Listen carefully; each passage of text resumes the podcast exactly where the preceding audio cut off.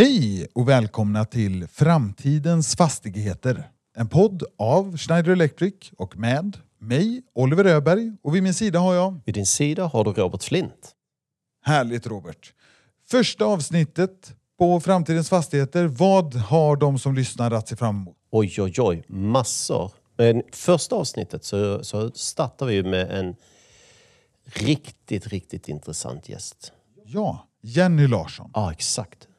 Eh, Jenny är ju våran VD på Schneider Electric. Yes. Mångårig i, i, i gamet så att säga. Hon, hon har varit i branschen länge, eller hur? Ja. Vad eh, ser du mest fram emot att prata med Jenny om idag? ja men jag, jag är ju så här, jag vill gärna lära känna personen. Så jag vill ju lära känna privatpersonen Jenny lite. Eller privatperson, men för, för reda på lite som vi kanske inte annars får reda på. Eh, och därefter så vet jag ju den enorma erfarenhet hon har kring, eller i energibranschen. Så jag vill att vi ställer lite frågor där och liksom gräver lite där, tänkte jag. Och naturligtvis ska vi göra det på ett sätt så att du, kära läsare, känner att, att eh, vi får inte fastna i det här, du vet, trebokstavskombinationer och allt det där. Nej, och där har vi ju just, alltså, det, det, nej precis, och det, där, där hoppas jag att vi, vi ska vara eh, goda landsdragare för- för, just det att inte så mycket fikonspråk, mer ner på liksom, vad är det som faktiskt är intressant? Vad, vad, vad är det som finns bakom de här fina produktnamnen och, och, och allt vad det kan tänkas vara? Jag, jag, jag ser fram emot det här lite grann, Fit for 55, internationella energiorganisationen, vad, vad, vad håller de på med egentligen? Sånt här är ju Jenny jätteduktig på. Exakt. Superspännande ska det bli.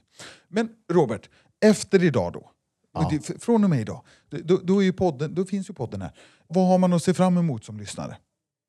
Men det är, Vad, vad, vad kommer vi, alltså jag tänker så här, vad kommer vi prata om? Ja. Är, är det, jag menar, det, är ju, framtidens fastigheter säger ju en viss sak, men, men vad, vad, det, vad, vad tänker du? Men jag tänker väl så här att, att de gästerna som, som förhoppningsvis vill komma, det kanske blir ett avsnitt sen, nej vi vill inte vara med. Det där var ju bara trams. Men det tror jag inte. Utan jag tror att man kommer säga så här, det här var superintressant.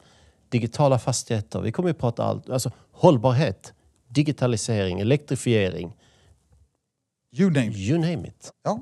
Ja, men det, det är ju ett ganska så... Det, podd som ett koncept är ju ett öppet eh, gränssnitt. Jag menar, vi, vi är ju fria att, att göra nästan, nästan vad vi vill här. Så, så vi, vi eh, ser verkligen fram emot det här för, för att kunna se liksom, vad är ni intresserade av, ni som lyssnar? Och har ni tankar om hur vi kan göra det här ännu bättre? Ja. Tveka inte att höra av er till oss. Nej men exakt. Och samma sak, inte ris och ros. Mycket ros, men ris är väl också Ja, välkommet. det, det är väl så vi utvecklas. Ja. Så det, det är mer än välkommet. Vi, vi, tar, vi tar inget personligt utan eh, vi tar det individuellt höll jag på att säga. Men, Ja, men- det- exakt. ja. Det löser vi. Ja, ja. Nej, nej, men det här ser vi fram emot. Men, men Robert, tror du att, att de som lyssnar har fått en, en eh, skaplig bild av vad det är vi är ute efter och va- vart vi är på väg här? Men jag hoppas verkligen det. Och jag, jag känner så här att jag, jag tror Jenny är på väg nu så att vi får ju avsluta. Ja, Genom att säga trevlig lyssning. verkligen. Välkomna allesammans.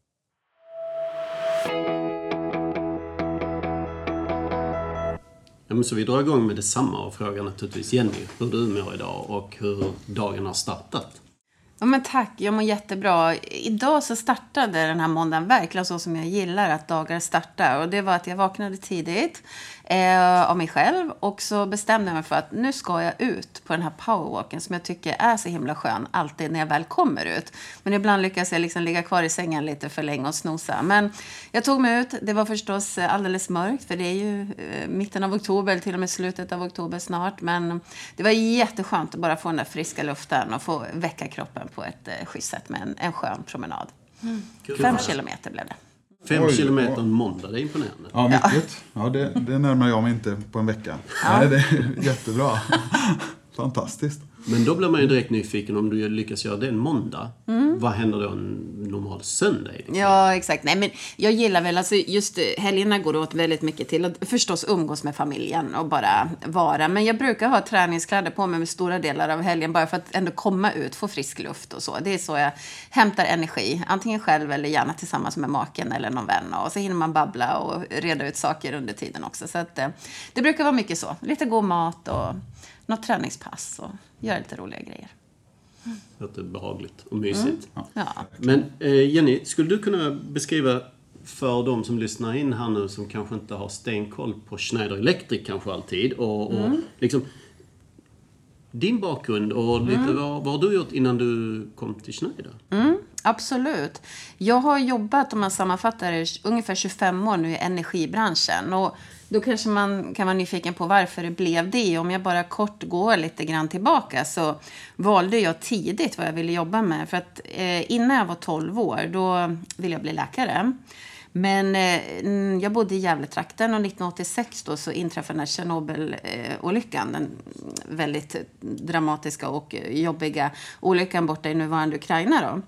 Eh, och det var ju så att eh, det spreds ett regn och vindar eh, mot oss i Sverige bland annat. Så att det regnade ner rätt mycket radioaktivt eh, nedfall då, eller avfall.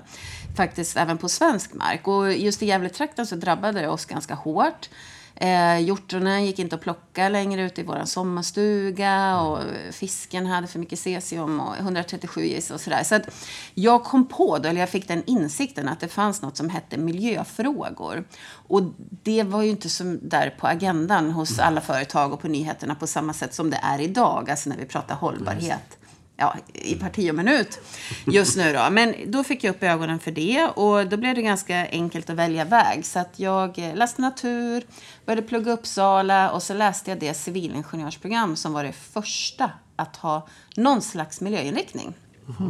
Eh, och det hette miljö och vattenteknik i Uppsala. Så att, eh, det var rätt skönt att ändå som ung veta vad man ville göra. Jag behövde bara ja, men, takta på och köra på sådär. Och sen då, jättekort, då blev det eh, Vattenfall sen i 20 år faktiskt. Så att, eh, jag kom in som trainee och fanns där i olika roller i 20 år. Ja. Sen valde jag att gå till teknologi och innovation på först ABB eh, och Hitachi Energy och sen här Schneider. Det är min bakgrund.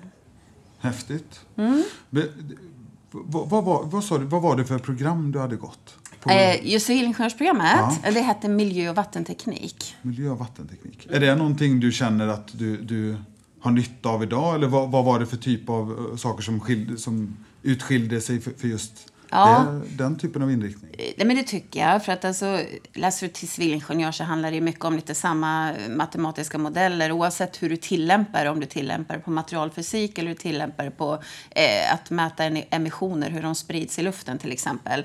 Men det var ju ändå eh, utifrån ett systemperspektiv och ett helhetsperspektiv som jag tycker att man fick eh, redan i det programmet. Och det, det har jag väl haft med mig eh, under mina år. Just det här med hur system, olika system hänger ihop och hur de är beroende av varandra. Oavsett om du pratar ja, men energiflöden eller infrastrukturfrågor eller annat. Då. Fantastiskt. Hur kom det sig att, att du valde Schneider Electric till slut? här? Vi hörde ju precis om Vattenfall och det var Hitachi och det, det, det massa olika eh, välkända namn. Liksom. Vad, vad var det som lockade med Schneider? Ja, men för det första så eh, brinner jag verkligen för teknologi och innovation. Jag tycker att det är väldigt spännande. Sen eh, så hade jag ögonen på Schneider Electric. För att, eh, och dessutom det här med att Schneider utsågs till världens mest hållbara bolag av Corporate Knights 2021. Och verkligen har den profilen att jag menar, på riktigt vilja göra skillnad vad gäller hållbarhet. Så att det inspirerade mig. Och just att man har jobbat med de frågorna på ett systematiskt sätt i många år. Eh, det är då du får ett sånt pris. Alltså du får inte ett sånt pris genom att sätta eh, ordet hållbarhet på en powerpoint. Liksom, utan du jobbar verkligen på riktigt med det. Så det lockade mig. Plus då själva liksom, teknologiportföljen. Att eh, det ju är en väldig bredd i vad vi har att erbjuda. Eh, Så att det tyckte jag var lockande. Och sen sist, men inte minst, så hade jag faktiskt hört att ja, men det är kul att jobba på Schneider. det är en bra, det är roliga, trevliga medarbetare och en, en schysst kultur. Eh, och då undrar jag så här, efter de 20 åren på, på eh, Vattenfall och sen Hitachi. Vilka erfarenheter tror du gjorde dig liksom lämpad för just denna rollen som du har idag på Schneider Electric? Ja, men kanske lite det som jag var inne på tidigare, hur saker hänger ihop. För att eh, som sagt, jag har varit i energibranschen länge och det man ser mycket utifrån det perspektivet är just det här med Eh, systemfrågorna och hur strukturer hänger ihop. Alltså just att, om jag då ska förklara, det kanske låter lite luddigt, men om man börjar med energisystemet så hänger det ihop verkligen med byggnader, med industrin, med konsumenters vanor, hur man använder energi och så. Så att jag har sett i olika roller eh, som jag haft genom åren hur man kan göra skillnad både på lokal nivå i ett samhälle men också på nationell och liksom större nivå. Just så jag har de perspektiven med mig. Och har jobbat mycket med myndigheter, med politiker, med eh, andra företag och även med, med slutanvändare i olika sammanhang på många sätt. I såna här, vet, eh, forsknings och utvecklingsprojekt, pilotprojekt, eh, samverkan lokalt och sådär på nationell nivå. Mm.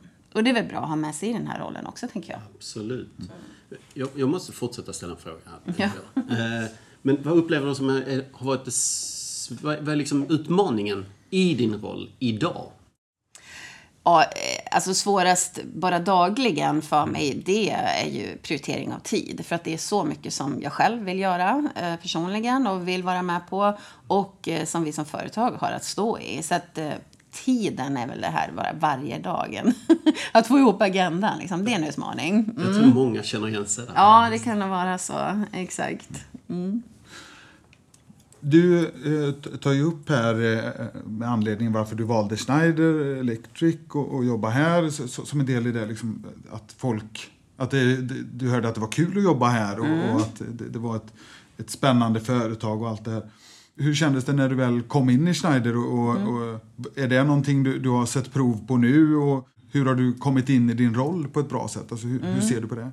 Alltså jag tycker ju kulturellt så definitivt enkelt. För att det fanns en väldigt stor öppenhet, eh, tycker jag, när jag blev välkomnad in. Och många personer som har varit så väldigt hjälpsamma. Ja, men, hör av dig till mig om du har några frågor och så. Både nationellt i Sverige men också globala kollegor som har hört av sig. Så på så sätt lätt, tycker jag. Och jag vet att det finns folk att ta hjälp av.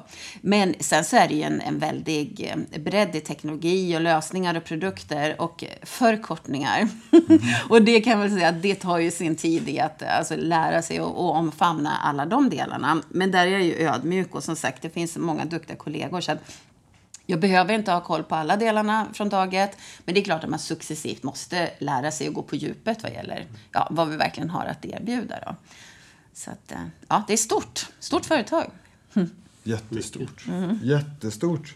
Så s- strax efter det att eh, du började i di- din nuvarande roll på, på Schneider Electric eh, så utbröt ju en, en energikris i Europa så, som vi alla har, har känt av. Och, och vi pratar, det pratas jättemycket om den och jag tror, tror ganska många insatta i ungefär vad, vad det handlar om. Men, eh, hur, hur ser du att det har påverkat din roll på, på Schneider Electric?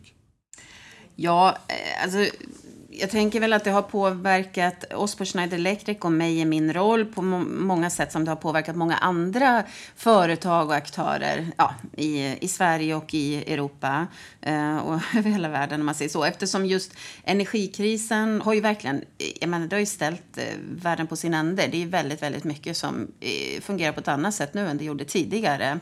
Så därför har väl helheten blivit väldigt komplex för många av oss. Och om man då går in på, på just energifrågan så är det klart att energikrisen i Europa det satte ju verkligen fingret på den sårbarhet som vi har i och med att vi har så stort beroende av fossila bränslen i Europa och att det behövs åtgärder helt enkelt.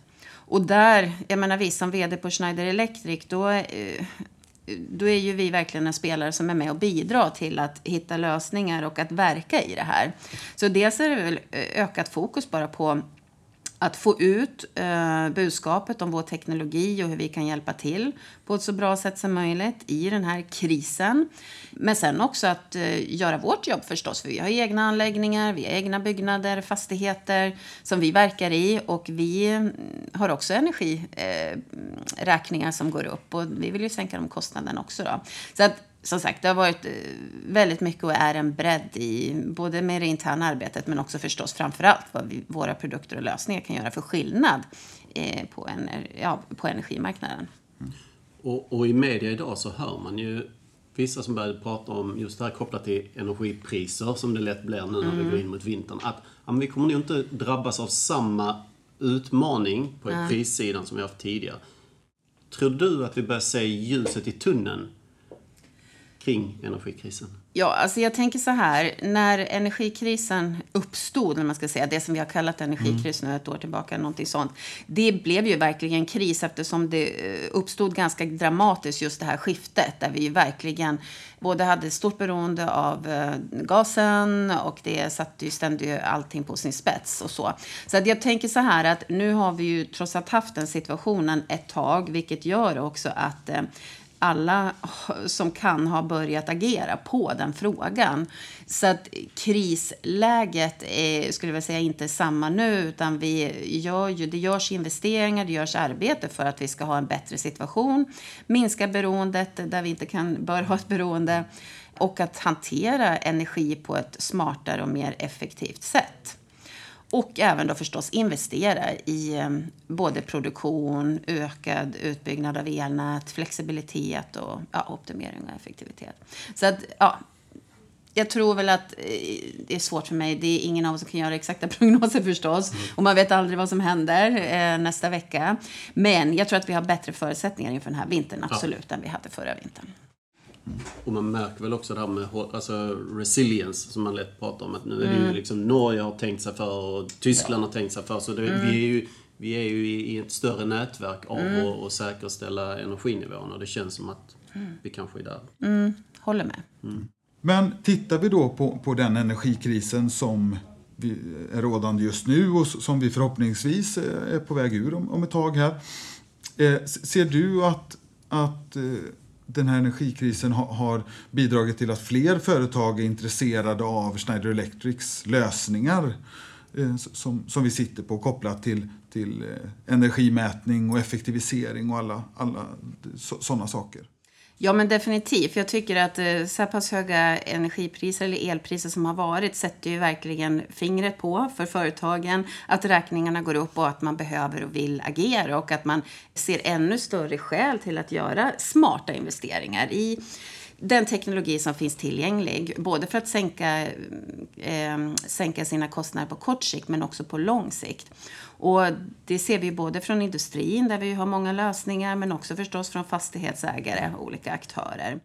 Men eh, kopplat till, till eh, våra, de lösningarna som vi har för företag så, så visst är det så Jenny att vi, vi pratar inte bara om liksom, att faktiskt mäta energi och att, att Eh, titta på, på direkta energikostnader och, och energiförbrukning eller energianvändning i en fastighet. Eh, utan vi jobbar även med lite mer långsiktigt eh, strategiskt arbete och, hjälper företag och hjälper våra kunder med en hållbarhetsresa och så. Mm.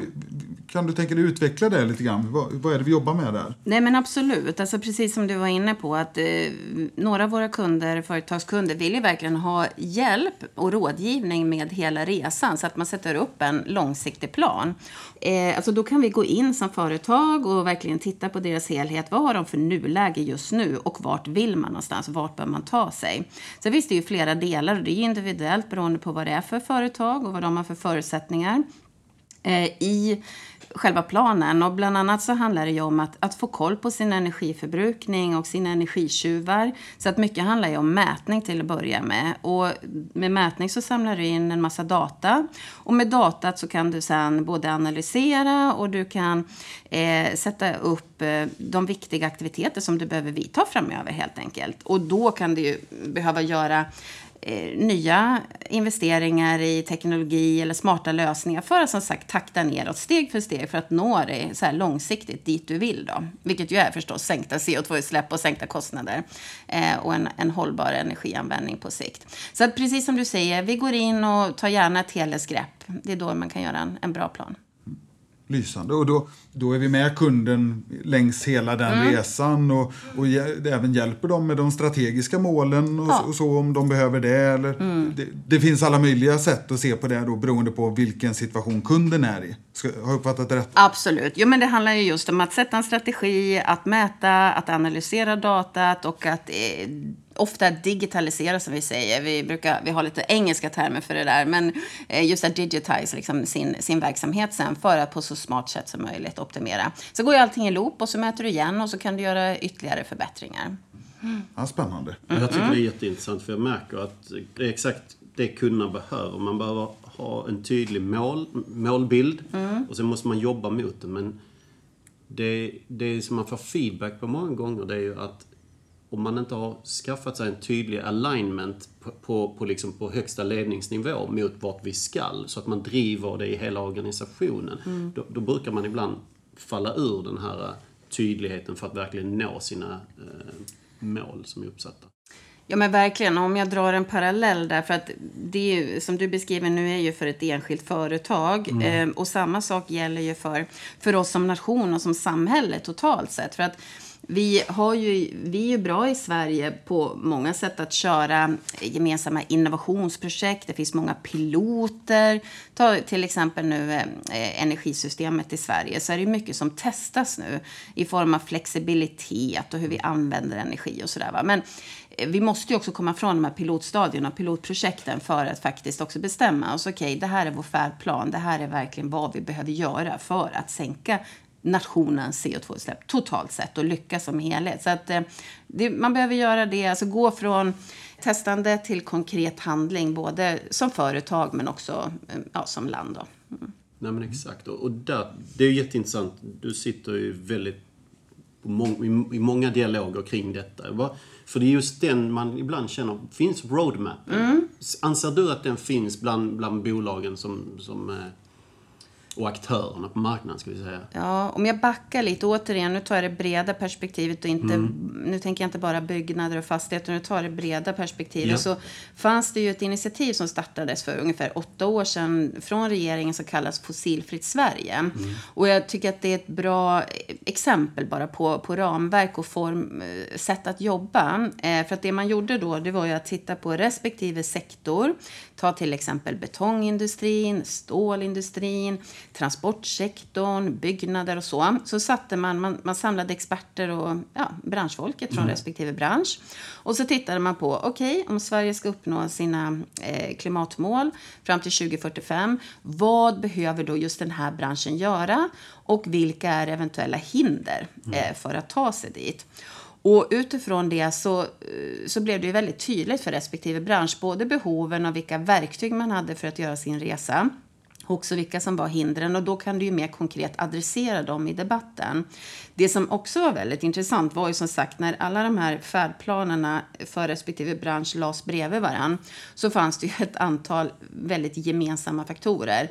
Och dels det mest framstående var liksom elektrifiering. Det var ju det att elektrifiering var eh, nyckelverktyg för så många branscher i att ta sig ja, göra sin resa. Dessutom var det digitalisering. Att digitalisering som verktyg också i optimering var också verkligen en nyckelfaktor.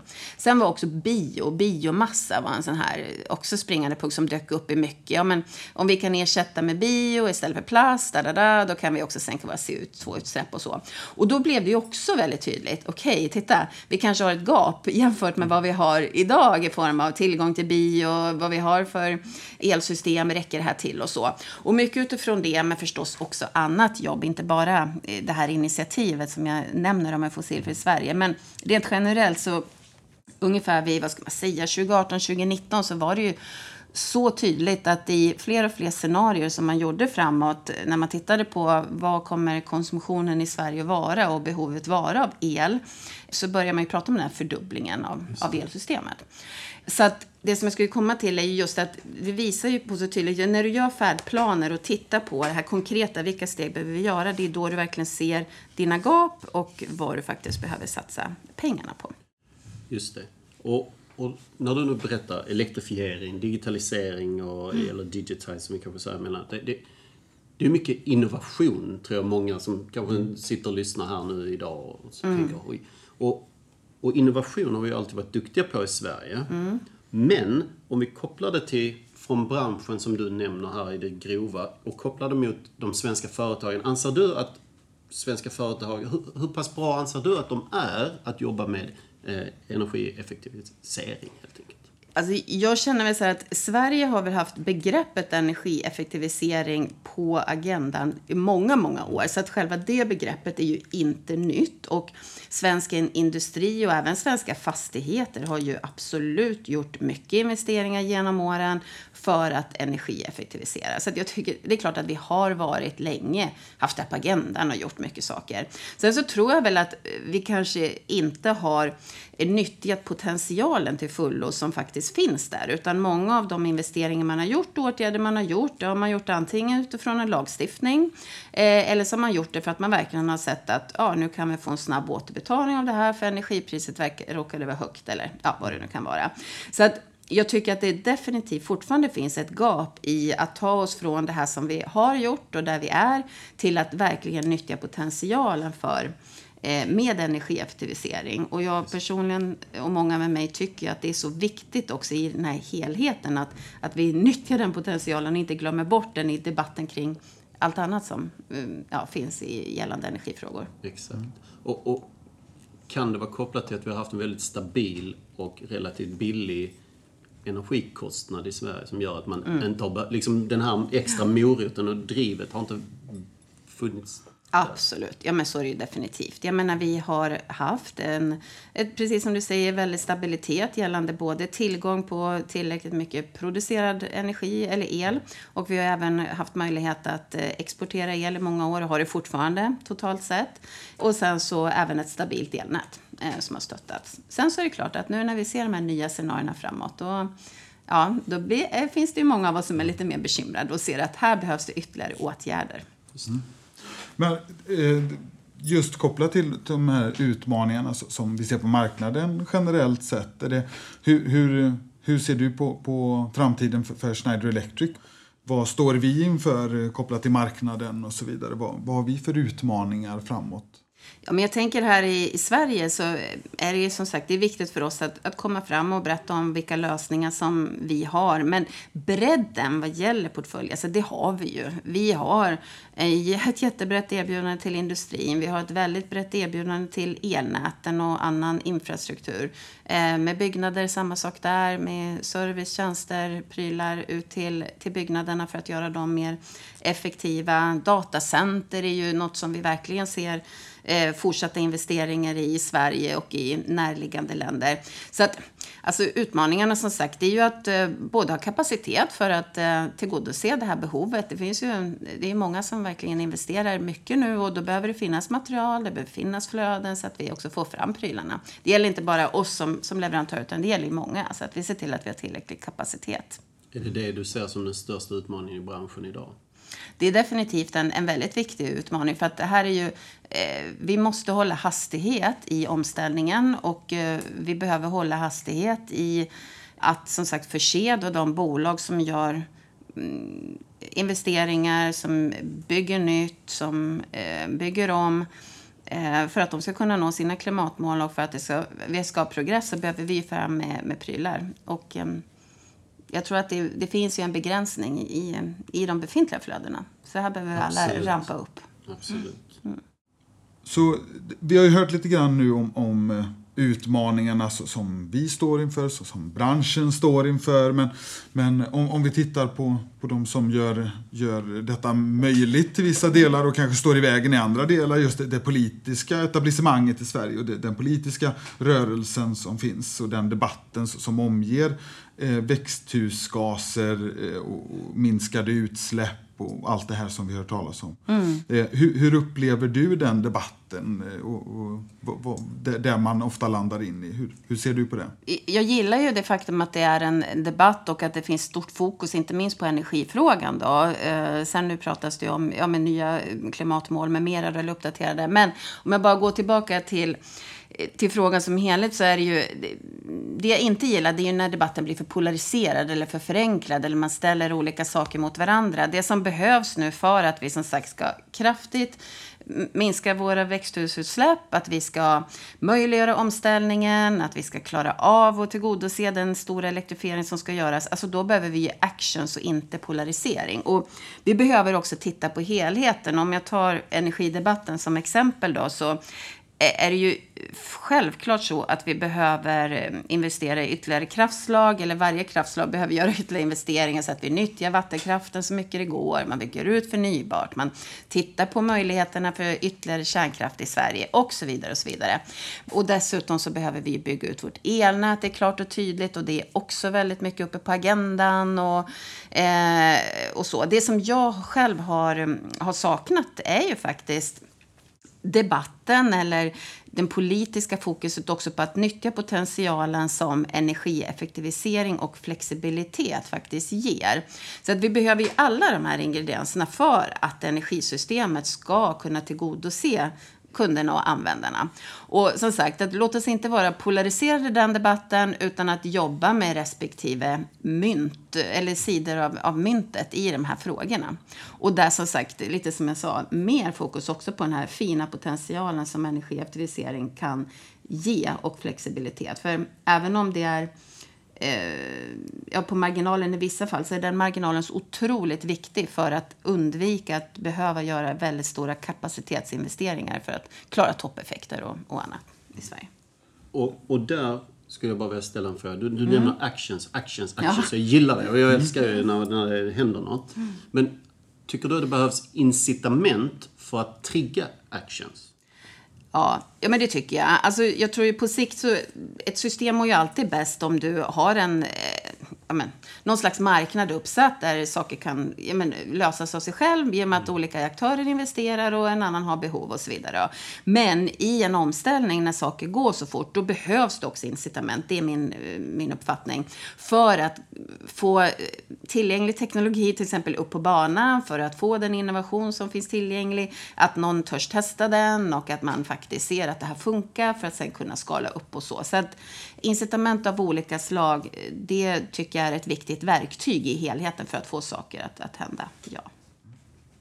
Eh, jag sitter och tänker lite grann på, på det du tog upp här precis med, med hur vi i debatten idag ser eh, åtminstone så, som jag ser det, och jag tror, tror ni delar den bilden, att man, man gärna ställer liksom kärnkraft emot vindkraft och att, att det, det är liksom det som utgör fundamentet för debatten. Kanske mm. för att det, det, är enklare att, att prata om, om eh, mm. de två delarna mot varandra.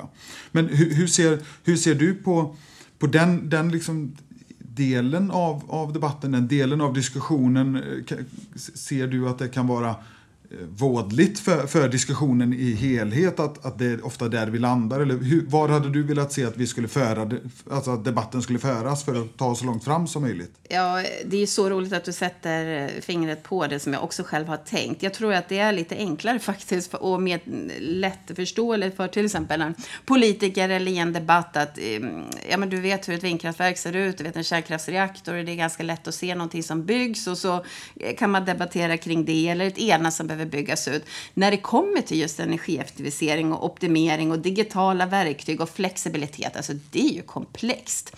I alla fall så kan det ju vara komplext om man inte är insatt.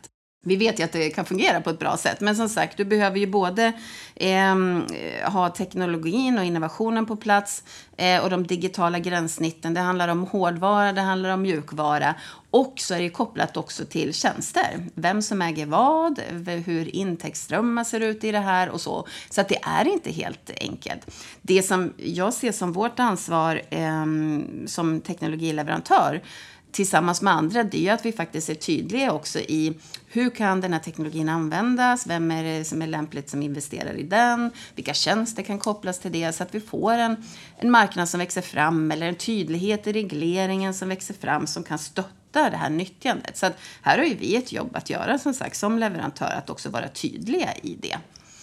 Vi kan inte bara säga att vi har en lösning och så tro att folk ska förstå hur man använder den, tänker jag.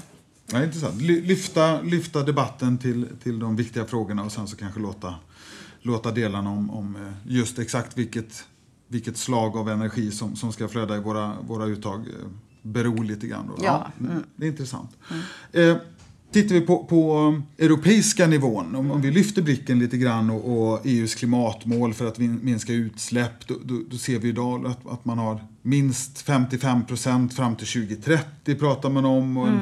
Eh, liksom, vad, vad, ser du här att, att det krävs för att vi ska klara det. Och jag tänker kanske vi i Sverige. Och, och, mm. och på vilket sätt eh, ser du att Schneider Electric eh, kommer vara en del i, i att, att hjälpa, hjälpa både företag och, och Sverige som land att, att nå de här målen? Ja, nej men, och, Fit for 55 är ett väldigt viktigt men också ett otroligt brett paket som berör så många områden. Och Eh, här har ju vi inom Schneider Electric globalt och det är våra vänner i, i Bryssel bland annat eh, satt fingret på vad vi ser är, är, viktigt och hur Schneider också kan komplettera och hjälpa till i den här omställningen. Och förutom att eh, vi tar fram rätt teknologi och är relevanta vad gäller det som vi erbjuder framåt så handlar det också väldigt mycket om lagstiftning, reglering i länderna och också att ha, ha krav på en hastighet i den här omställningen. För att vi kan inte vänta till de två sista åren i att göra det här. Utan vi behöver ju som sagt eh, en omställning som är just nu. Sen får man ju bryta ner det här till de olika frågorna. Det som gäller fastigheter och byggnader och det som gäller transport och det som gäller industrins omställning och energibranschens omställning förstås då. När jag tittar på Rapport, eller Aktuellt ibland, så dyker ett, en förkortning, trebokstavsförkortning upp som heter IEA. Mm. Jenny, vad är det för någonting? Just det, IEA, International Energy Agency. Det är självklart, Robert, eller hur? Ja, absolut. Nej, men en organisation som ju står för väldigt mycket eh, kompetens inom förstås energi globalt. Och man släpper regelbundna rapporter kring eh, både nuläge men också prognoser framåt kring konsumtion och ehm, eh, produktion och tillgång på energi helt enkelt. Eh, så det är ju väldigt mycket matnyttigt som kommer därifrån. Ja, och de säger till och med i rapporten att energisektorn förvandlas snabbare än vad många tror. Mm. Hänger vi i Sverige, eller svenska bolagen, med i den förvandlingen? Ja, jag tycker vi har många goda exempel i Sverige på snabb omställning, grön omställning inom flera sektorer. Och även då kopplat till energi och hur man som, energi, eh, som industri eh, kan vara en del av och är en del av energisystemet. Här är ju just eh, energibäraren vätgas väldigt central i det som byggs upp i, mm, vad gäller mycket av de nya investeringarna framåt. Så att jag tycker definitivt att vi hänger med, men vi måste ju fortsätta att inte, inte förenkla eh, vårt läge utan vara handlingskraftiga och satsa på att, att uppnå våra egna mål och inte bara inspirera andra globalt. Men tittar vi på eh, Schneider Electric som bolag, Jenny, så, så är ju det ett, ett jätte, jättestort bolag. Mm. Finns i, i eh, eh, mer eller mindre hela världen.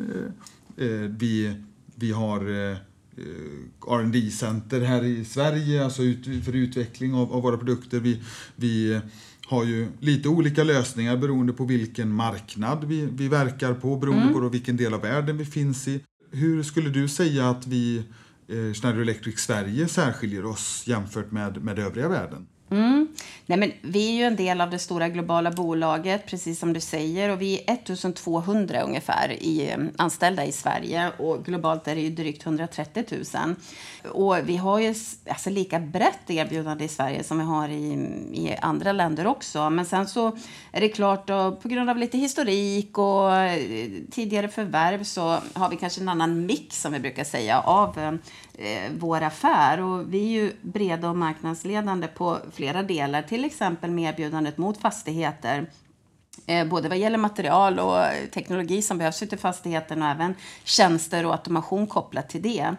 Sen finns det ett antal områden där vi verkligen kan växa än mer, där vi kanske är lite mer marknadsutmanare. Och det är framförallt på eh, industrisidan med industriell automation och sen även än mer ut vad gäller elektrifiering av, av eh, både industri och eh, infrastruktur.